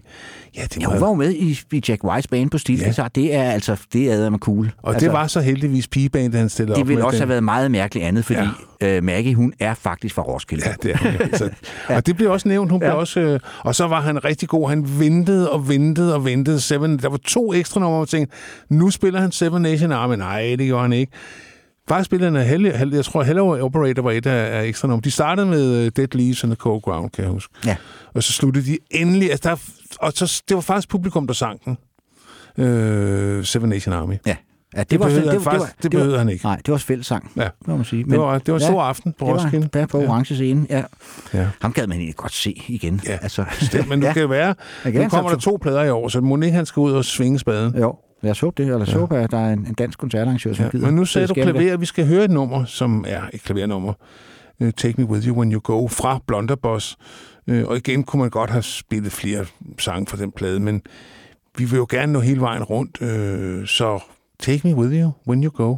Ja, det er jo den, altså, der er jo ligesom sådan et gennemgående tema, øh, død og afsked og sådan noget på den her plade. Jeg ved ikke, om det er, fordi han året forinden er blevet skilt fra denne Karen El- Øh, Elson, eller hvad, hvad, hvad, hvorfor han det er så også optaget være, af han er, ja. altså, hans forældre må vel også være ved at være oppe i årene. Hans mor er 45, da hun får ham, så de, Ja. ja. Det er ikke til at vide. Nej, men Øh. øh. hvad der foregår i Jack Whites hoved, er ikke altid til at vide. Nej, det- selv ikke for Jack inter- White. Nej, men det er altid meget interessant at følge med Ja. i. Jamen, han er også skøn at læse interviews ja. Ja. med, fordi han er kontrær på den fede måde. Ja, og så er han, øh, kan man også, altså, kan man jo høre, han er en, en meget begavet mand. Ja, ja, belæst ja. og ja, jamen, super, super fascinerende person. Så ja, take me with you when you go.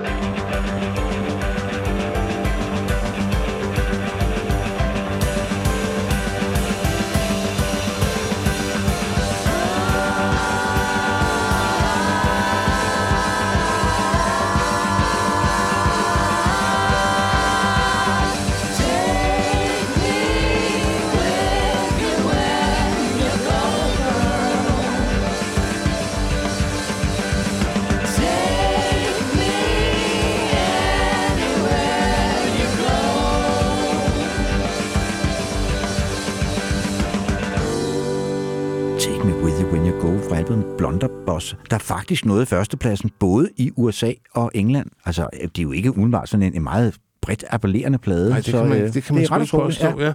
Men altså, han har virkelig lige her i, i nullerne, eller i tierne, virkelig fat i, øh, i det store publikum. Ja, det har han faktisk også på det næste album, Lazaretto, som ja. kommer i 2014, for det ryger sgu også ind på førstepladsen i USA, klart. Ja, og Lazaretto, det er jo faktisk der, hvor han... Han er jo, mener jo ikke, at politik og, og, og musik hænger sammen. Men der er altså et nummer der på, der hedder Entitlement, hvor han tager bladet fra munden og siger, du ved, Nobody on God's green earth is entitled to anything. Så kan de lære det, du. Ja. Øh, og det synes jeg er super fedt. Og det Øh, er øvrigt, at mange sangene på Lazaretto er faktisk øh, bygger på en, en... Han fandt sådan en, en kasse op på loftet med gamle noveller og digte og dramaer, han havde skrevet, da han var 19 år gammel. Ja. Og det er så ligesom dem, han be, bearbejder, og som så ender som sange på Lazaretto, der også bliver udsendt, nu inde på vinylfetisisme, på, på den mest nørdede vinyludgivelse, jeg tror, jeg nogensinde har stødt på, sådan en ultra-LP kalder han den, hvor den ene side, den spiller indefra og ud, og den anden side spiller normalt, og så ligger der to hidden tracks, som ligger inde under labelet inde i midten, så, altså hvordan man så skulle komme til at spille det, og sådan noget. så Altså, nørdet. det er, det er, så fucking nørdet, altså. men det er også meget herligt et eller andet sted, Ja, at ja, gøre det er jo sjovt nok, kan man Ja. ja. sige. Og, altså, det er næsten sådan noget, der næsten er sjovere at snakke om. End, Og et af numrene, der, der kommer an på, hvor du, hvilken rille du sætter det ned i, hvordan baggrundssporet er. Der kører ligesom to simultane spor. Øh, så der er ligesom to versioner af, af det nummer. Det er langt Ja. ja. ude. Altså. Og det er jo igen øh, med hans kvindeorkester. Øh, vores øh, veninde Maggie Bjørklund er jo med på et par numre. Dog ikke det, Dog vi ikke, har hvad de været- vil have valgt at spille Nej, for. øh, Som Would jo, you fight for my love, hedder det. ja. som er et hit, synes jeg. En single hit. Øhm, det blev det så ikke. Øh, men det er nok noget dem, i den mere poppede ende af hans sangskrivning. Øh, og burde efter min mening have været et stort hit. Ja. Men sådan er der Det var der jo meget. mange sange, der burde have været, Claus, i Ja. vores bog. Hvis Jamen, vi havde bestemt... Hvis vi havde bestemt, så Ja. havde radioen fandme været fed. Ja. Men Så er, sådan det, så er det godt, vi kan bestemme vores egen podcast. Ja. Would you fight for my love? Kommer her.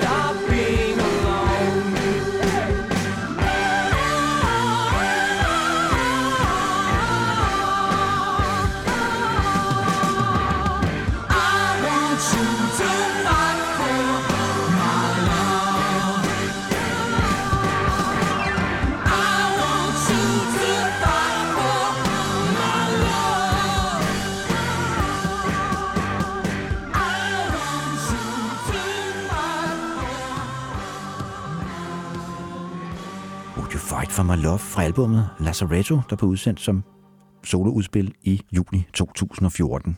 Året efter kommer der før med endnu et Dead Weather album, Dodge and Burn. Klart det svageste. Ja, ja, som derfor springer vi det over. Og så kommer der faktisk øh, 16, en ret fed compilation, synes jeg, øh, Acoustic Recordings 1998-2016, altså hvor man kan høre akustiske versioner af sange fra Ja. bagkataloget. Og det, det synes jeg er faktisk er en ret fed lytteroplevelse. Ja, det, er, Øhm, det er sådan en, der vil man ønske, man havde en pejs, ikke? Jo. når man sætter den på. Ikke? og, og det viser også, at på trods af alt det der larm, der er øh, rundt omkring, så kan de faktisk også klare bare at blive spillet på en akustisk Det er nok guitar. det, han har ville demonstrere. Ja, ja, hvad hedder det? Men vi har desværre ikke tid til at spille noget fra den, så vi iler hurtigt videre til Boarding House Reach, hans tredje album, der kommer i 2018, som er en noget bizarre udgivelse. Ja. Kan vi ikke godt sige Jo. det, Claus?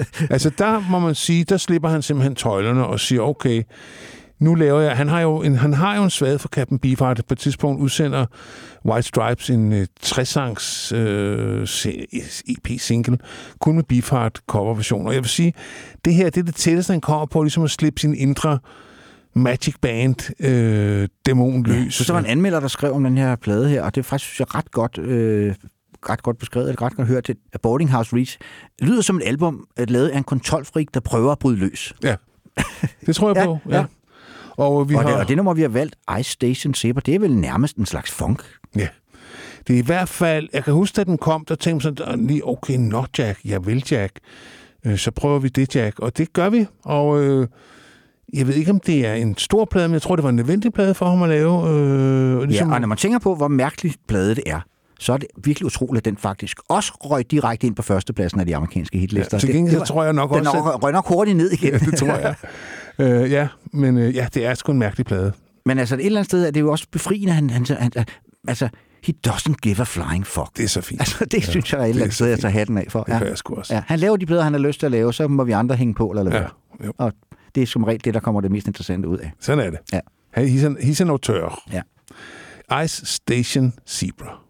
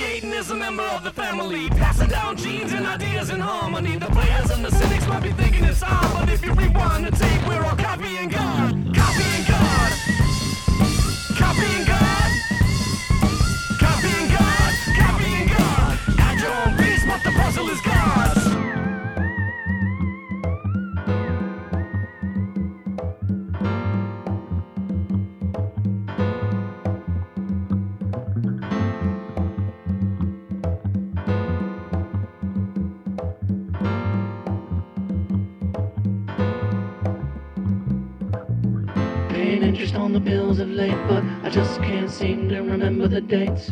I lay low and turn off the lamps. Come on over, you can lick the stamps, and we can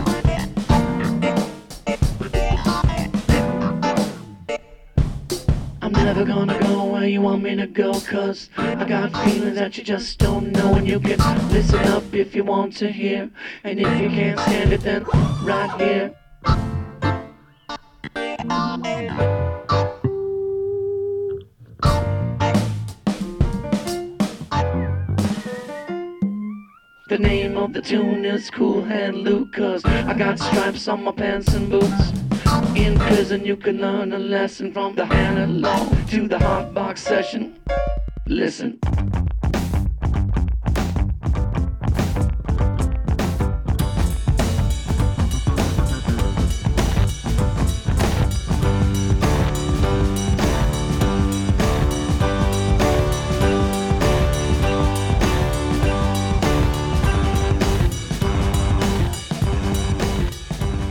Ice Station Zebra. I 2019 udsender han også endnu et album, Raconteurs Helper Stranger, som vi også er nødt til at springe det var over. faktisk det år, han spillede på Heartland, eller de så, jeg så dem på Heartland. Og ja, jo, jo, ja. Jeg har aldrig set Raconteurs, jeg Nå, de spillede på Heartland øh, det år der. Øh, Det hører også med til historien, at der jo i hele taget er rigtig mange ting, vi har sprunget over, fordi han ja. jo simpelthen er så flittig. Han har jo også, vi har altså ikke været inde på alle de der myriader plader, han har udsendt via Third Man Records og, og produceret, produceret, og, og- ja, nej. jeg skal komme efter, der skal. Han er en, som du er inde på, en entreprenant herre. Han ja. har faktisk også et, et firma, som øh, laver og sælger baseball, øh, øh, hvad hedder det, bat. Nå, køller, ja. ja. Hold da op. Han er jo han er jo stor baseball-fan. Han er jo okay. stor fan af Detroit Tigers. Selvfølgelig. Ja, ja. ja klart. Ja, han er altså en homeboy, selvom han Ja. bor i Nashville. Han bor stadigvæk i Nashville, ikke? Jo, det gør han. Ja, ja. Øh, ja, men altså, han har aldrig... Altså, han, han følte faktisk, at han... Der var en del haters, da White Stripes øh, slog igennem, og det var en af grunden til, at han forlod Detroit. Han gad ikke at, at, blive lagt for had. Nej. Øh, så, Men men nu er vi øh, så faktisk nået frem til 2022, øh, hvor han udsender hele to album. Den her single-forløber fra det, der lige kom i fredags, den 8. april, Fear of the Dawn, øh, hedder Taking Me Back, og Fear of the Dawn, altså det er det. Pladen er inspireret af åbenbart af noget, han, et, et ord, han faldt over.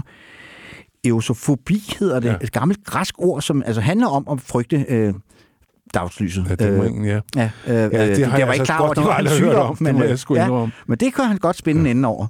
Og det er en rigtig god, solid Jack White-plade. Der er, han har forladt, skal man sige, Boarding House Reach. Jo, men det er stadigvæk, når du hører den, en ret bizarre plade. Ja. Den lyder altså helt vildt. Ja, det gør den virkelig. Øh, Og det lyder altså, jeg skal ikke kunne sige det, om han har lavet, men det, altså, det lyder som om, han, han har kastet sig over det digitale den her gang. Jamen, det siger du, jamen, ja. det kan godt være, jeg, jeg skal prøve at Det høre. kan også være, at han bare kan lave det analogt, du skal ikke sige, mm. men der, er- altså, der er nogle vilde, vilde lyde på den der. Altså, der, er i hvert fald, der er i hvert fald effekter på guitarerne, lad os bare er sige der, det sådan. Og det, jeg synes, det fine ved det her nummer, Taking Me Back, det trækker en lige linje tilbage til Let's Shake Hands, White Stripes øh, debutsingle.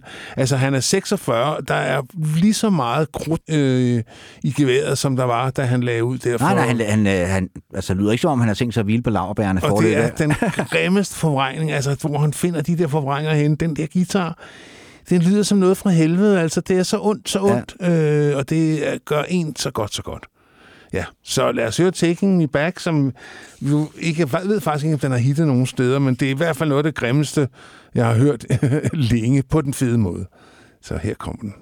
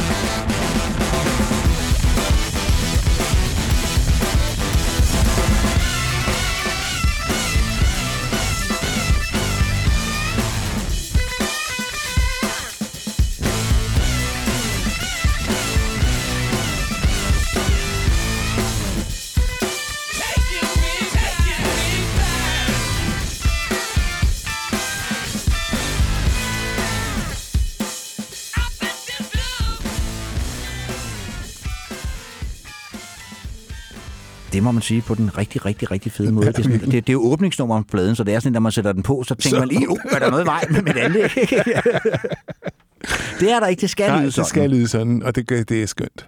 Yes, vi er desværre ved at nå til vejs ende. Jack White er et godt selskab at være i.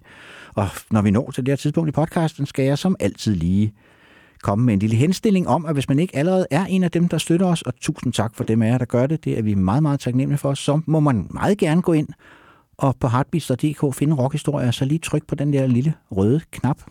Øh, Så bliver man guidet videre til, hvordan man kan støtte os. Så kan man også blive medlem af vores lytteklub inde på Facebook. Men som sagt, vi er ved at nå til vejs ende, men øh, Fear After Dawn er så ikke det sidste, vi kommer til at høre fra Jack White, som vi i øvrigt også lige skal skylde og ønske tillykke med brylluppet. Han er lige blevet gift med, for tredje gang nu så, med Olivia Jean, som er, og selvfølgelig også er musiker. Hun spiller i bandet The Black Bells. Okay. Øhm, ja. Som vist også kommer på Third Man Records, så det skal være løgn. Ja, det kunne. Ja. det, det er meget incestiøst alt sammen. Ja. Men øh, han har allerede proklameret, at der kommer et album mere fra ham i år, Entering Heaven Alive, som øh, sådan skulle være mere afdæmpet end uh, Fear of the Dawn. Det er sådan rockpladen, og så skulle den anden være mere, mere afdæmpet. Det lyder også sådan på, på det single-udspil, der er kommet fra, fra det album, som vi jo af gode grunde ikke kan have nogen mening om endnu, da det først udkommer i juli 2022, men singlen Love is Selfish lyder da meget lovende, Claus. Jeg synes, det er en øh, utrolig smuk sang, og det er en, en herlig måde ligesom at afslutte eller afrunde det her portræt af en af, ja, altså jeg vil næsten sådan en renaissancemand, øh, som bare spiller på så mange tangenter og formår at- holde ens interesse fangen, og man aldrig rigtig helt ved, hvor man har ham. Og, Nej, og laver de ting, han har lyst til ja. at lave, også uden for musikken, ikke? Altså, sagt, ja. han laver baseballbræt, sådan der, det er der Ja, ja, og, Ja, og nok den eneste møbelpolstrer i hele rockbranchen, Ja. så vidt jeg er orienteret. Det kan være, der er nogen derude, der ved noget, jeg ikke ved. Men uh, Love is Selfish er en smuk lille sang fra en ufattelig talentfuld herre. Ja, og øh, ham kommer vi helt sikkert til at høre mere til, så det kan være, at vi om 10-15 år kan lave en part 2 Vi, skal, historien om vi Jack kan også lave en om alle hans sideprojekter, Ja. og det kunne vi sagtens. Det kunne være meget sjovt. Yes. Men, øh, Men øh, indtil for denne gang forlader vi Jack White, og ja, kære lyttere, tak for denne gang.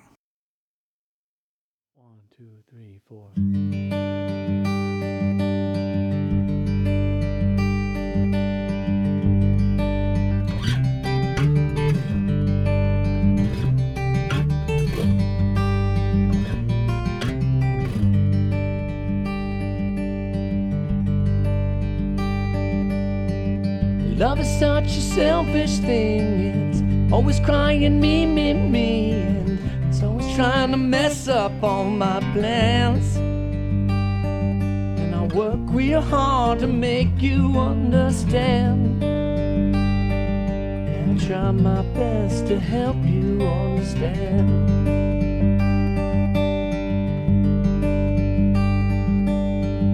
I've been trying over the years to try and overcome these fears, but nothing I come up with proves I can. And I work real hard to make you understand. Yeah, I'll try my best to help you understand.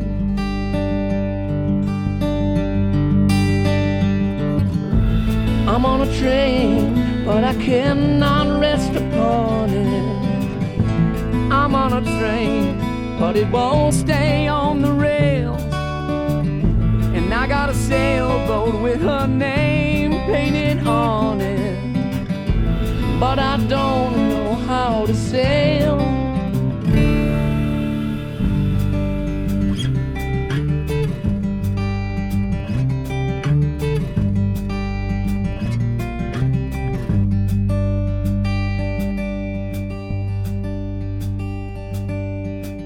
Someone smarter than me and you might end up solving a clue or two, but could they make it happen with their hands? Couldn't they build it up from nothing with their hands? I could lose my mind just trying to understand.